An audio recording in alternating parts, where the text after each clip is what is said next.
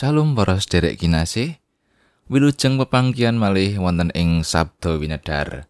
Renungan patintenan basa Jawi. Renungan dinten menika kaparingan ira-iran Gusti ingkang gendong. Kita badhe gegilut kados pundi panuntuning Gusti Allah dumateng bangsa Israel ingkang luar saking Mesir.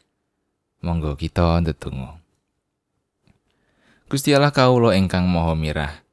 Matur nuwun awit sedaya kamiran paduka ing sauruting gesang kawula. Duh Gusti, kawula para abdi paduka, sumadyo badhe nampeni sabda paduka. Mugi Gusti berkahi kanthi mirunggan. Kawula kasagetna dados abdi paduka ingkang setya tuhu ngecakaken dawuh paduka. Kawula ngrumaosi dereng saged nindakaken dawuh paduka menika kanthi sampurna. Awit menika kawula nyuwun agunging pangaksami. Matur nuwun Gusti.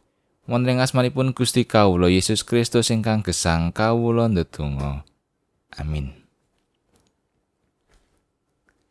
Pangentasan bab 19 ayat setunggal ngantos songo. Bareng sasi katelune saangkate wong Israel saka ing tanah Mesir, tekan ing pasamunane Gunung Sinai tanggale padha karo nalika budale. Sawuse padha mangkat saka Rafidim banjur tekan ing pasamunane Gunung Sinai lan padha leren ana ing kono. Wong Israel anggone padha masang tarup ngadepake Gunung Sinai. Nabi Musa tumuli minggah sowan ing ngarsane Gusti Allah sarta dipangandikani dening Pangeran Yewa saka ing gunung kono dawe. Sira ndawuhana turne Yakub lan ngundangno marang wong Israel mangkene. Sira wis padha ndeleng samu barang kang wis sun tandukake marang wong Mesir. Sarta anggoning sun gendong sira ana ing swiwining manuk Garuda. Sun parakake marang ing ngarsaning sun. Kang iku saiki menawa sira padha ngestokake dawuhing sun kelawan teman-teman sarta padha netepi persetyaning sun, mesti sira padha dadi kekasih sun pinilih saka ing antarane sake bangsa. Awit salumaing bumi iku kagunganing sun. Sira mesti padha dadi kerajaan kaimaman lan bangsa kang suci. Yaiku pangandika kang kudu sira undangake marang wong Israel. Sawangsule Nabi Musa tumuli nimbali para tuwa-tuwaning bangsa mau.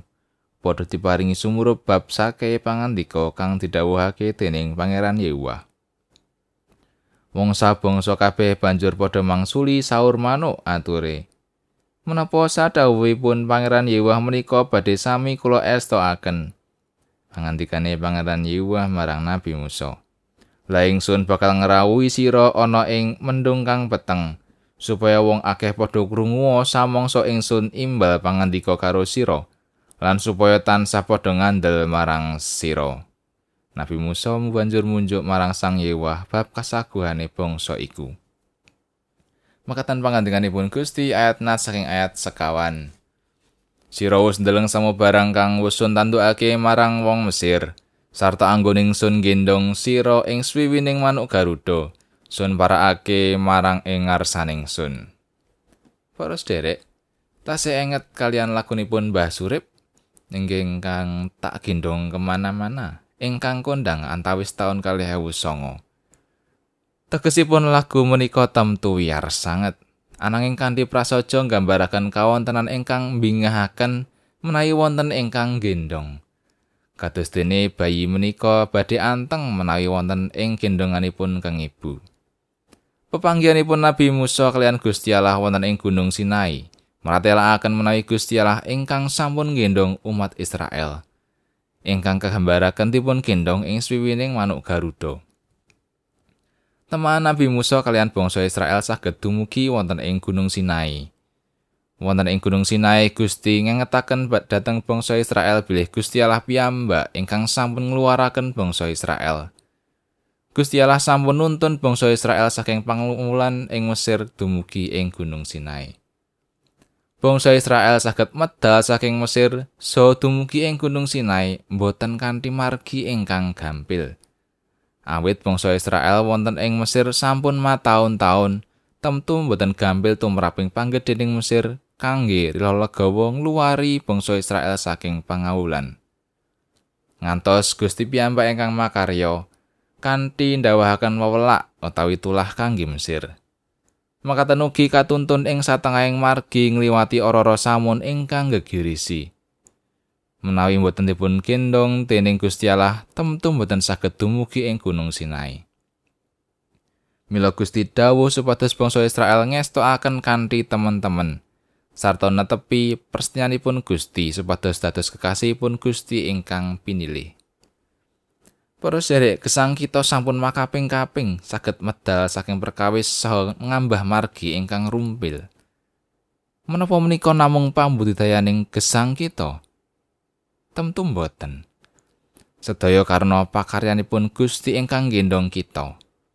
Menawi Gusti Allah ingkang gendong kita, kita badhe anteng lan ayem. Amin.